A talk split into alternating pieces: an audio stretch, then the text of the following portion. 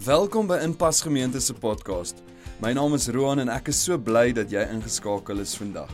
Luister saam na 'n inspirerende boodskap oor die persoon van Jesus en sy liefde vir jou. As ons jou op enige manier kan dien of bystaan, maak asseblief kontak met ons. Ons webtuiste is die maklikste manier om dit te doen. Gaan na inpas.org.za en vul die terugvoerstrokie in en ons reik uit na jou. As hierdie podcast 'n impak maak in jou persoonlike verhouding met Jesus, wil ons jou uitnooi om jou geloof prakties uit te leef. Jy kan dit doen deur vrygewig te gee sodat Inpas Gemeente die goeie nuus van Jesus kan verkondig. Kyk gerus op inpas.org.za hoe om 'n bydrae te maak. En nou, sit gerus terug en geniet die boodskap. Nou julle ons is besig met hierdie reeks aaklige kerkervarings. Ons is in week 3. Ons het begin deur te praat in die eerste week dat ehm um, kerk het baie keer 'n plek geword waar jy moet toehou. Ehm um, jy jy kan nie vir mense sê jy het jy het foute of jy het sonde nie. So wat jy doen is jy jy vee daai foute of daai sonde onder die mat, maar ons weet dat stof onder die mat moet een of ander tyd uitkom dit wat jy wegsteek gaan een of ander tyd ehm um, tentoongestel word of geopenbaar word en dan is die skaamte en die seer net soveel groter en die plek behoort eintlik 'n plek te wees waar jy uh, jouself kan wees, uh, vir mense kan wys wie jy is. Dis 'n veilige omgewing waar mense uh, aangeraak kan word deur die Here, bevry kan word deur sy krag en waar medegelowiges bereid is om in 'n proses 'n pad met mense te stap. Verlede week het Roan met ons gepraat en ons het gepraat oor die hele gedagte van uitgevang. Ons hou daarvan om mense uit te vang. Ons hou daarvan om te te skinder en te bid en te sê het jy gehoor hierdie en dit en daai en dat en wat ook al. En ons het geleer verlede week dat ons moet uitgevang word want jy moet een of ander tyd moet dit moet dit uitkom. Jy kan nie vir altyd en ewig leef hiermee nie, maar dis die manier hoe jy uitgevang word. Ehm um, ons vang mekaar uit in sagmoedigheid. Die manier hoe ons dit hanteer is, ehm um, ons slaan ons hande om mense, ons vat mense se hande en ons sê vir hulle luister, maar kom ons stap hierdie pad saam. Nou, ek wil onmiddellik sê die terugvoer wat ek gekry het van mense die afgelope paar weke is dat daar's nie net aaklige kerk ervarings nie. Mense sê ook hulle het lekker herinneringe van kerk. Jy weet as hulle terugdink aan hulle kerk van hulle jeug, dan dink hulle met soveel heimwee en soveel troos terug na hulle na hulle kerk en hulle sê eers maar dit was nie it wasn't all bad. Dit was ook baie lekker. As hulle dink aan daai kerkkampe met die skeerroom, ek moet nou nog my sonde bely met alles wat ek met skeerroom gedoen het in daai tienerkampe en goeters. In elk geval, is sommer so grillerig, maar uh tienerkampe en jeugkampe en skeerroom en uitreike. Ek kan onthou hoe het ons uitgereik op die uh die die die wat die strandfront of die beachfront van Durban ons het ons klank daar opgeslaan en het, ons het mimieke gedoen en ons het danse gedans en uitnodigings gemaak en mense het in daai tyd hulle harte vir die Here kom gee uitreike na Zimbabwe toe en Zambië en Mosambiek en Swaziland. Ek meen daai goed het my lewe verander en dit wat dit wat dit was alles in verband met 'n kerk. 'n kerk het dit gereël, 'n kerk het dit georganiseer en dit is baie lekker herinneringe. As ek nou terugdink gister my dogter met die impassie fees. Ek meen sy's sy's rooi gebrand. Sy uh sy's eintlik seer, maar sy praat oor hierdie wonderlike herinneringe en dit sal haar altyd bybly. Um daai parachute wat haar opgeskiet het en die maatjies wat sy gemaak het en dit was net vir haar lekker gewees. So ons het nie net slegte herinneringe nie en dit is ongeag van die denominasie waarin jy is. Uh jy kan kom uit die Methodiste kerk uit, uit die gereformeerde kringe, die Pinksterkringe, Katoliek, dit, dit maak nie saak waar jy vandaan kom nie. Ongeag daarvan het ons ook goeie herinneringe. Nou um ek kan onthou uh, as die van julle wat kom uit die Methodiste kerk uit, uh, hulle sou vir jou gesê het jy jy jy's gebore om hemel toe te gaan. Die Pinkstermense sal weer vir jou sê, uh, jy moet elke liewe Sondag jou hart vir die Here gee, maar ek het my vrou ontmoet in die Pinksterkerk. So vir my is daar daar's wonderlike wonderlike herinneringe. Maar kom ek sê vir julle, daar's hierdie onuitgesproke uh noem dit 'n gedagte wat nie een van ons geweet het toe ons kinders was nie, maar wat ons nou weet. En en hier's die gedagte, ek wil dit vir julle op die skerm wys. Daar's 'n kerkkultuur ontwerp vir kerkmense. So wat ek daarmee bedoel is en ons het dit nie hardop gesê nie, maar ons die kerk word iets van 'n subkultuur waar ons doen die regte goed en ander mense doen dit nie. Ons het die regte doop, ons doop klein kindertjies en julle doop groot mense. Ehm um, en en julle doen dit verkeerd. Julle leer verkeerd, julle sing verkeerd, julle trek verkeerd aan en ons word ons word 'n kerkgroepering dit is nie alle Christene nie, maar sommige Christene word ingetrek in hierdie hierdie kerkkultuur. Ek kan onthou, my ouers het my gewaarsku teen die krokodilkerk.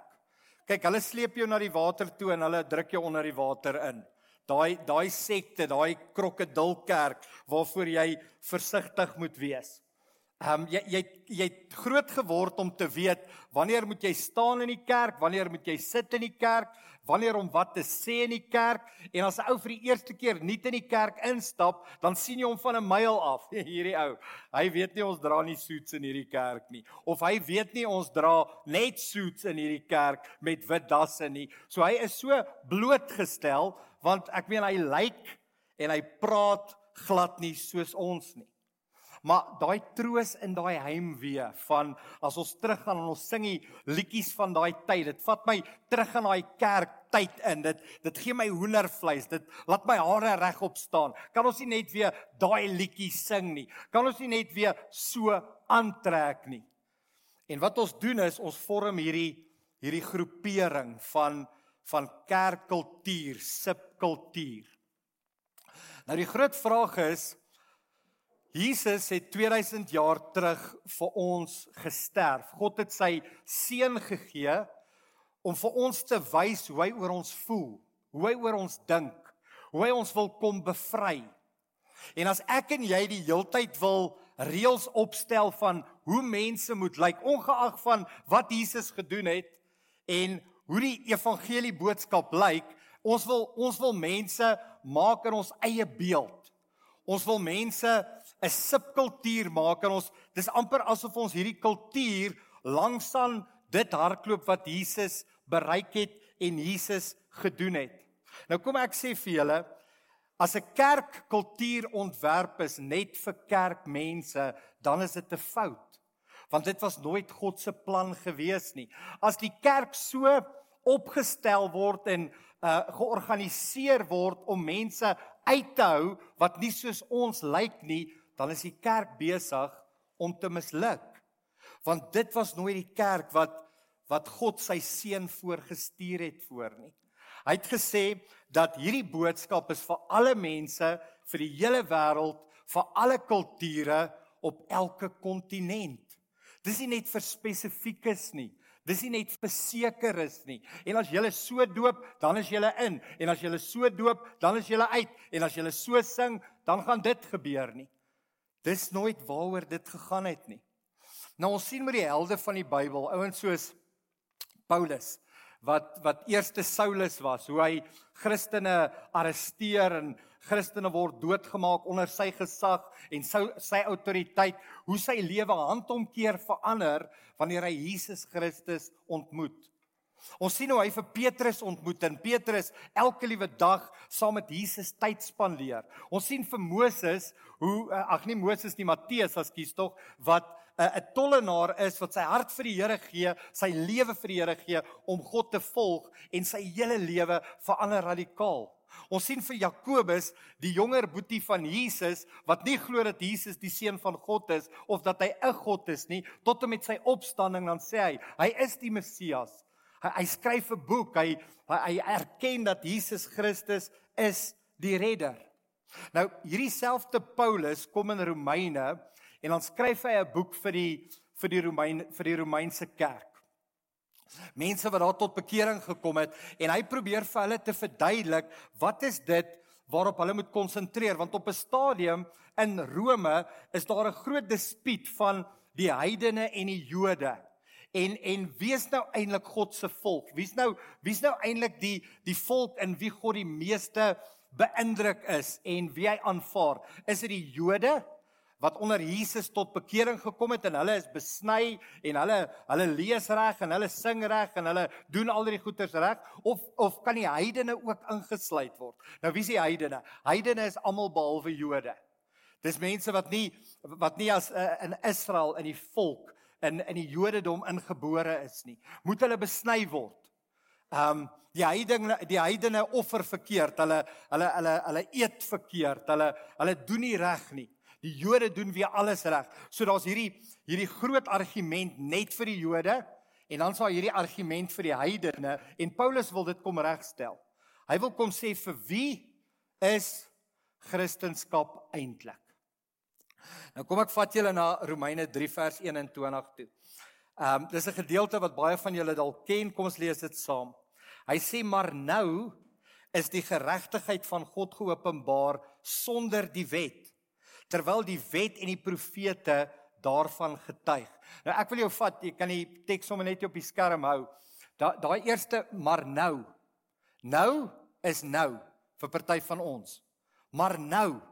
En dan gebruik jy hierdie woordjie geregtigheid. Wat is dit? Dit dit beteken om okay met God te wees. Ehm um, jy jy jou verhouding is herstel. Jou verhouding is reg met God. Jy is. Okay. Nou ek wonder hoeveel van ons sit dalk vandag hier en sê ek wonder of my verhouding met God okay is. Ek wonder of God my aanvaar. Ek wonder of God tevrede is met my. Nou die Bybel sê Paulus skryf hy hy praat van die heidene en die Jode en hy sê maar nou is die geregtigheid van God geopenbaar. Geopenbaar, dit was vir lank weggesteek.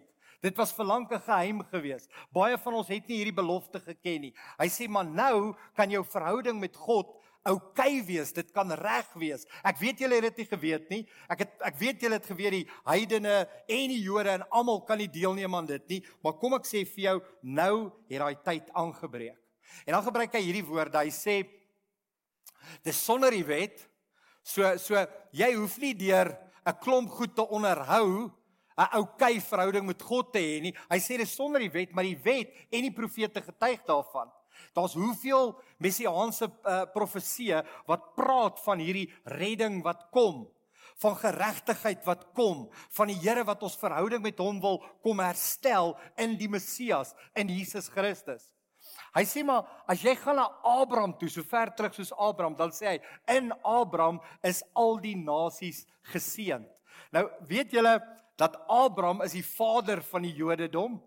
Dit is God wat aan hom die belofte gemaak het en gesê het jy sal vir my 'n volk wees, ek sal vir jou 'n God wees. Ek gaan julle so baie maak soos die sterre in die in die hemelruim en die sand van die see. Julle gaan julle gaan oral wees. Julle gaan my volk wees. Hy het 'n verbond met daai volk gesluit. Nou kom die Bybel en hy sê in Abraham sal al die nasies geseënd wees. Nou jy met jouself net in 'n Joodse skoene plaas om te dink maar luister is dit nie net die Jode nie? Nee, tot die profete, die Jode, die Ou Testament getuig dat almal is deel hiervan. Almal is ingesluit hiervan. So die vraag is, hoe kry ek en jy dit reg om ons verhouding reg te maak met God? Hoe werk hierdie geregtigheid? Nou kom ek lees dit vir julle vers 22. Hy sê die geregtigheid naamlik van God deur die geloof in Jesus Christus vir almal en oor almal wat hulle gedra. Jy moet jou gedra. As jy wil deel word van hierdie van hierdie geloof in Jesus Christus, hierdie geregtigheid, moet jy jou gedra. Is is dit wat die Bybel sê? Sê jy moet jou gedra. Nee. Hy hy kom nooit op een plek en hy sê As jy God wil beïndruk, moet jy so aantrek nie. As jy God wil beïndruk, dan moet jy so offer nie. Wat hy eintlik sê is, en kom ek gee jou die regte weergawe van hierdie teks. Hy sê die geregtigheid naamlik van God deur die geloof in Jesus Christus vir almal en oor almal wat glo. Dis dit is die maatstaf. Dis al wat jy moet doen. Jy moet jou nie gedra nie om deel te word van God se volk nie. Jy moet net glo. Jy moet net jou geloof in Christus kom stel. Dis al wat ek en jy moet doen. Hy sê Dis geloof in Jesus vir almal.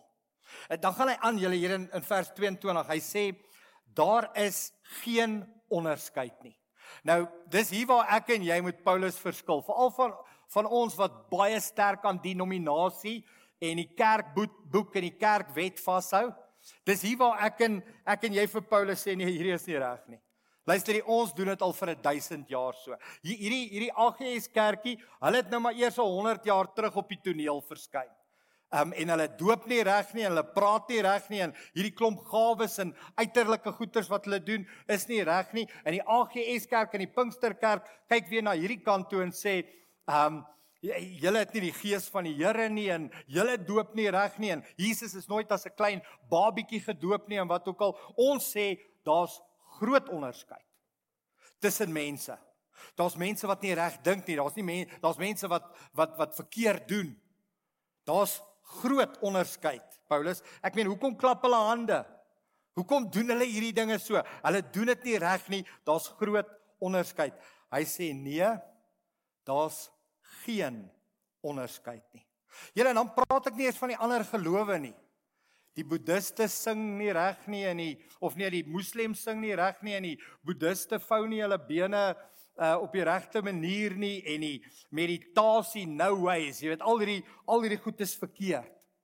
Uh, kom ek lees vir jou wat sê hy vers 22 23 hy sê daar's geen onderskeid nie want almal het gesondag. Dis wat ons almal in gemeen het.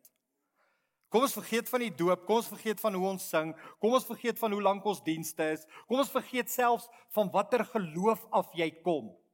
Die een ding wat ons almal in gemeen het, is ons almal het gesondag. En dit ontbreek ons aan die heerlikheid van God. Nie jou wyse hoe jy sing nie, nie jou wyse hoe jy doop nie, nie wat jy aantrek nie, Niks van daai goed tref onderskeid nie. Die enigste ding wat ek en jy in gemeen het, is die feit dat ons sonde doen. Dit is wat ons almal in gemeen het. En God sê almal het gesondag. Kom ons lees verder, vers 23. Hy sê daar's geen onderskeid nie want almal het gesondag en dit ontbreek almal aan die heerlikheid van God. Almal. Die gereformeerdes, die Pinksters, die Katolieke, die Boeddiste, die Moslems, die pastoor, die dominee, die gewone lidmaat, die priester, daar's geen onderskeid nie. Ons almal mis die heerlikheid van God. Nou, kom ek gee vir jou hierdie illustrasie. Was jy al ooit laat vir 'n vlug? Al ooit laat vir 'n vlug? Nog nie heeltemal daai illustrasie nie, maar ehm um, uh, laat vir 'n vlug gewees waar jy jy sien die vliegtyg staan. Jy sien hoe trek hulle daai ding weg waar jy op die vliegtyg moet opklim. Jy sien hulle is besig om daai ding weg te trek. Jy's 10 sekondes laat. Daai vrou sê vir jou, "Sorry meneer, jy gaan nie op daai vliegtyg klim nie. Jy's laat." Ek sê maar ek's 10 sekondes laat. Ek sit daar vir 10 minute en probeer hierdie ou te oortuig. Kom maar ou 10 minute na my aan. Hy sê, "Luister, ek moet op daai selfde vlug klim. Ek is ook laat. Ek is jammer." Of jy 10 sekondes laat is, en of jy 10 minute laat is, jy's laat vir die vlug, jy was nie op tyd nie en jy gaan die vlug mis.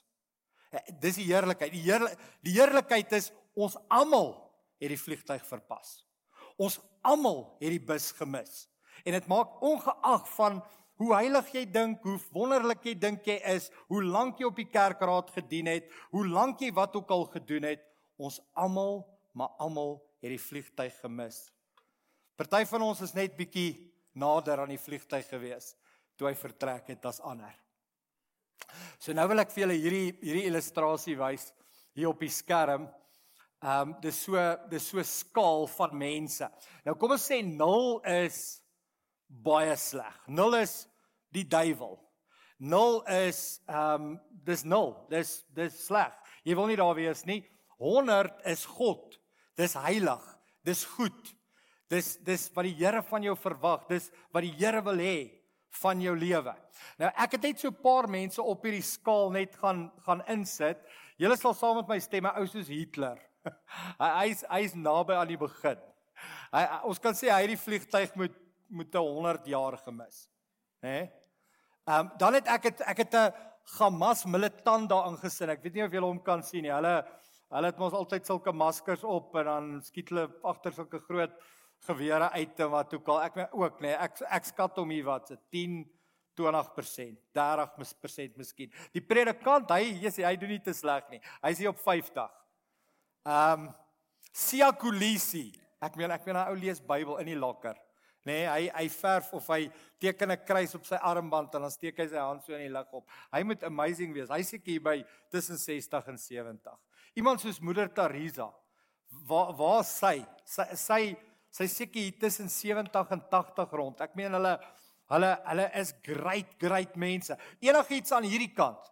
Ehm um, aan julle kant, nê, nee, aan aan daai kant, tussen 50 en 100. Ek meen dis mense wat uithaal en wys. Hulle doen hulle ding. Maar nie een van hulle kom by 100 uit nie. Want hulle almal het gesondig. Hitler se sonde is nie meer as moeder Teresa se sonde nie. Want as Hitler in sy sonde gesterf het, dan verpas hy die vliegtyg. As moeder Teresa moet al haar goeie goeie dade daar in Delhi en in Mumbai en daar in Indië en sy sterf sonder Christus en sonder die genade van die Here gaan sy hel toe. Ons het een ding in gemeen en dit is dat ons almal het gesondig. Ons almal. Ongeag van waar jy vandag op daai skaal is, as mense hier instap en hulle lyk vir jou, hulle pas nie lekker in jou subkultuur in nie, moet jy jouself herinner, jy is net soos die een wat deur die deure stap.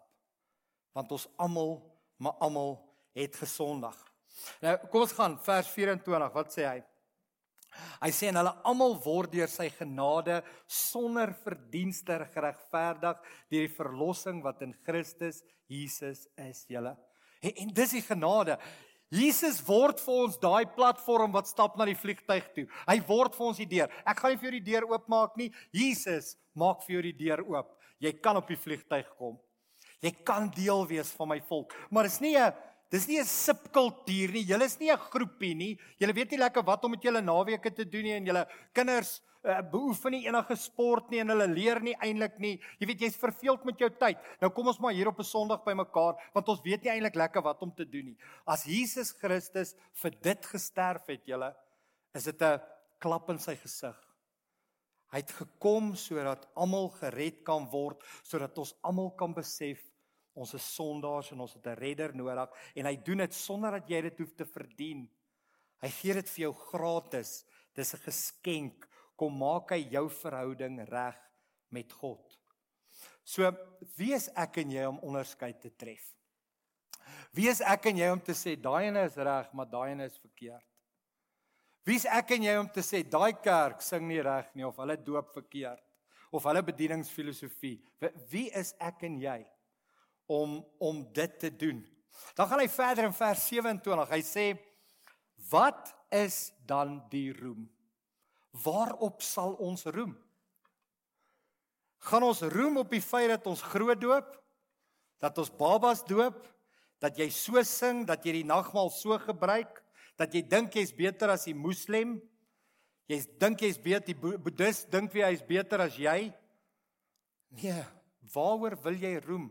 Ons almal het gesondig. Waar is dan die roem? Dis dis uitgesluit, julle. Daar's daar is nie roem nie. Vir my en jou is daar nie roem nie want ons het nie ons eie redding bewerk nie. Daar's daar's nooit vir ons roem nie. Of jy 10 sekondes laat is en of jy 10 minute laat is, laat was jy gewees. Hoor hier op of kyk hier op die skerm. Ons almal kon ingaan nadat die deur toegemaak is. Eers dis vir my dis vir my die die deur was toegemaak julle. God het oordeel gevel oor die mense met Adam en Eva se ongehoorsaamheid. Sonde het in hierdie wêreld ingekom deur die eerste Adam. En daar was sonde. Daar was 'n breek in verhouding. Daar was 'n apartheid, daar was 'n daar, daar was 'n kloof gewees tussen God en mens. En Jesus Christus, die tweede Adam, het alles kom oortref en vir my en jou die deur kom oopmaak. Dit is amazing. As die boodskap van die kerk vir almal is, dan mag die kultuur van die kerk niemand uitsluit nie. Niemand uitsluit nie. Ons mag nooit op 'n punt kom in pas gemeente waar ons mense uitsluit as gevolg van hulle agtergrond of wat hulle dink of hoe hulle glo of wat ook al nie, want ons almal het gesondag. So my vraag is, hoekom skep ons 'n kultuur wat mense wegstoot terwyl die goeie nuus almal innooi? Julle en ons doen dit sonder dat ons dink. Ons doen dit baie in ons in ons in ons onderbewussyn oordeel jy mense, praat jy oor mense. Ek doen dit self, jy weet, um, ons is so goed, hoekom is hulle so en so en so? En ek besef nie eintlik hoe sleg ek is nie. Ek besef nie dat dit as dit was vir die genade van die Here nie, was ek nog steeds in my sonde gedompel nie. Ehm um, hoekom doen ons dit? Hoor wat skryf Jakobus in Handelinge 15 vers 19, wat sê hy? Hy sê die volgende: Daarom oordeel ek dat ons die wat uit die heidene hulle tot God bekeer nie moet bemoeilik nie. Julle ons moet nooit 'n kultuur skep wat mense uitsluit nie. Ons moet nooit 'n kultuur skep wat mense wegstoot en as hulle instap dan voel hulle hulle kan nooit assosieer met ons nie. Ons is heiliger as hulle, ons is beter as hulle. Um Jakobus kom hier en hy sê moet dit nie vir mense moeilik maak nie. Nou ek wil nou vir julle 'n storie vertel, my eie storie. Um van die dag toe ek nie tot bekering gekom het nie. So kom ek vertel julle van die dag toe ek nie tot bekering gekom het nie. Um ek was 17 jaar oud gewees, dit was Januarie gewees. Dit was my matriekjaar gewees en my vriend het dit toe reg gekry om my na hierdie krokodilkerk toe te nooi. So nou gaan ek vanuit die Drie Susters kerk uit, gaan ek na sy kerk toe. En julle daai aand eh, ek dink die ou die evangelie verkondig. Ek dink daar was 'n mooi boodskap rondom Jesus en Jesus se kruis en die genadeprys wat Jesus betaal het. Maar alles om dit het daai boodskap so gekloud, so moeilik gemaak om te verstaan en te hoor dat ek nie daai aand tot bekering gekom het nie. Kom ek sê vir julle, ek het brood nodig gehad om die evangelie te hoor en tot bekering te kom. Die feit dat ek nog van Januarie of tot Julie toe die die geleentheid gekry het om te lewe en dat ek nie tot sterwe gekom het in daai tyd. Ek weet nie wat sou van my geword het nie want ek het nie God geken nie. Ek het Jesus Christus nie aanvaar as my saligmaker nie.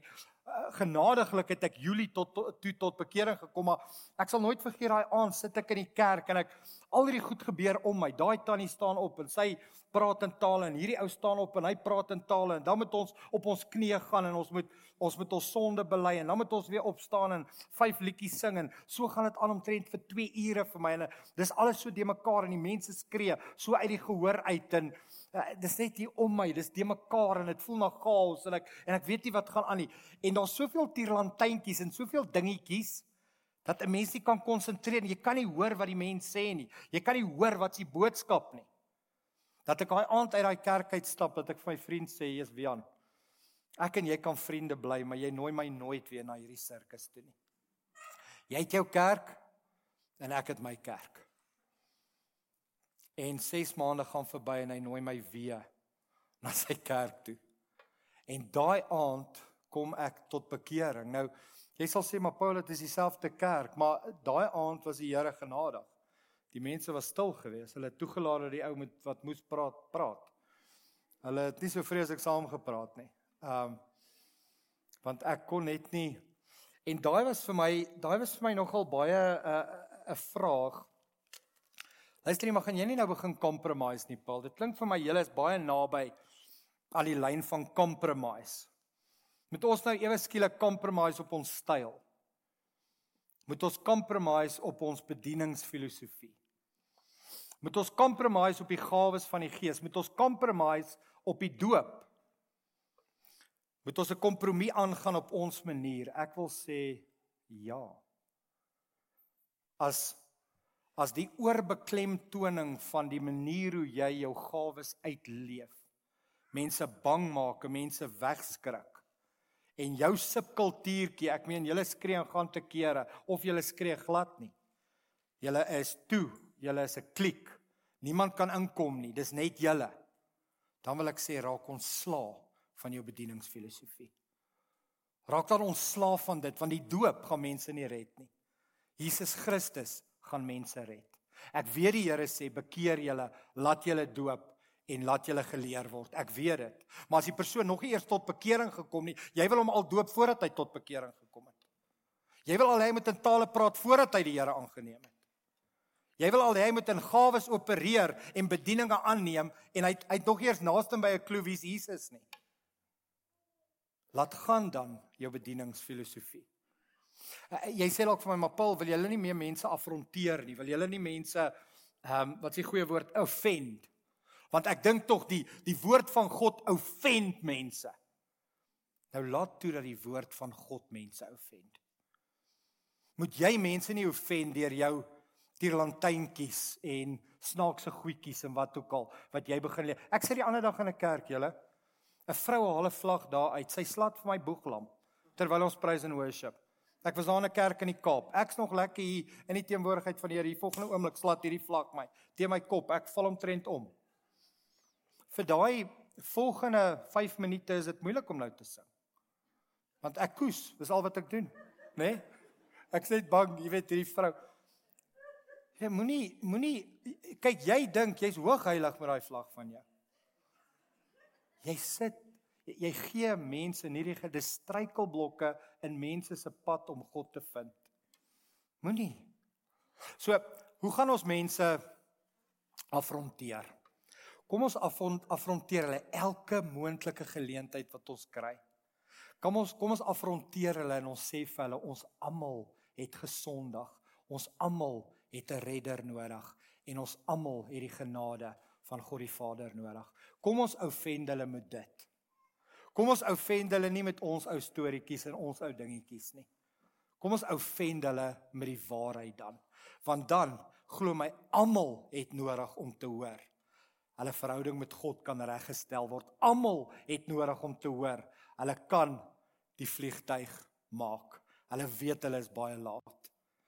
En as jy op hulle op die regte tyd kry en op die regte manier die evangelie van God verkondig, dan is mense oop daarvoor. Hoor my, julle die die die oes is ryp. Jesus sê dit al hoe lank. Die oes is ryp, maar wat ons dan doen is, ons sê vir hulle, luister hier, maar as jy wil deel word van ons kerk, moet jy dit en dit en dit en en luister hier, hoekom het hoekom sê ons so? Want ons het 'n bosberaad gehou en ons het gevoel hierdie 5 punte is ons verskriklik belangrik. En Jesus sê maar watse 5 punte? Hoe dit ooit so moeilik geraak om my te dien en deel te wees van my. So kom ons ou vent mense met die waarheid. En die goeie nuus sal mense se lewens aanraak en vir ewig verander.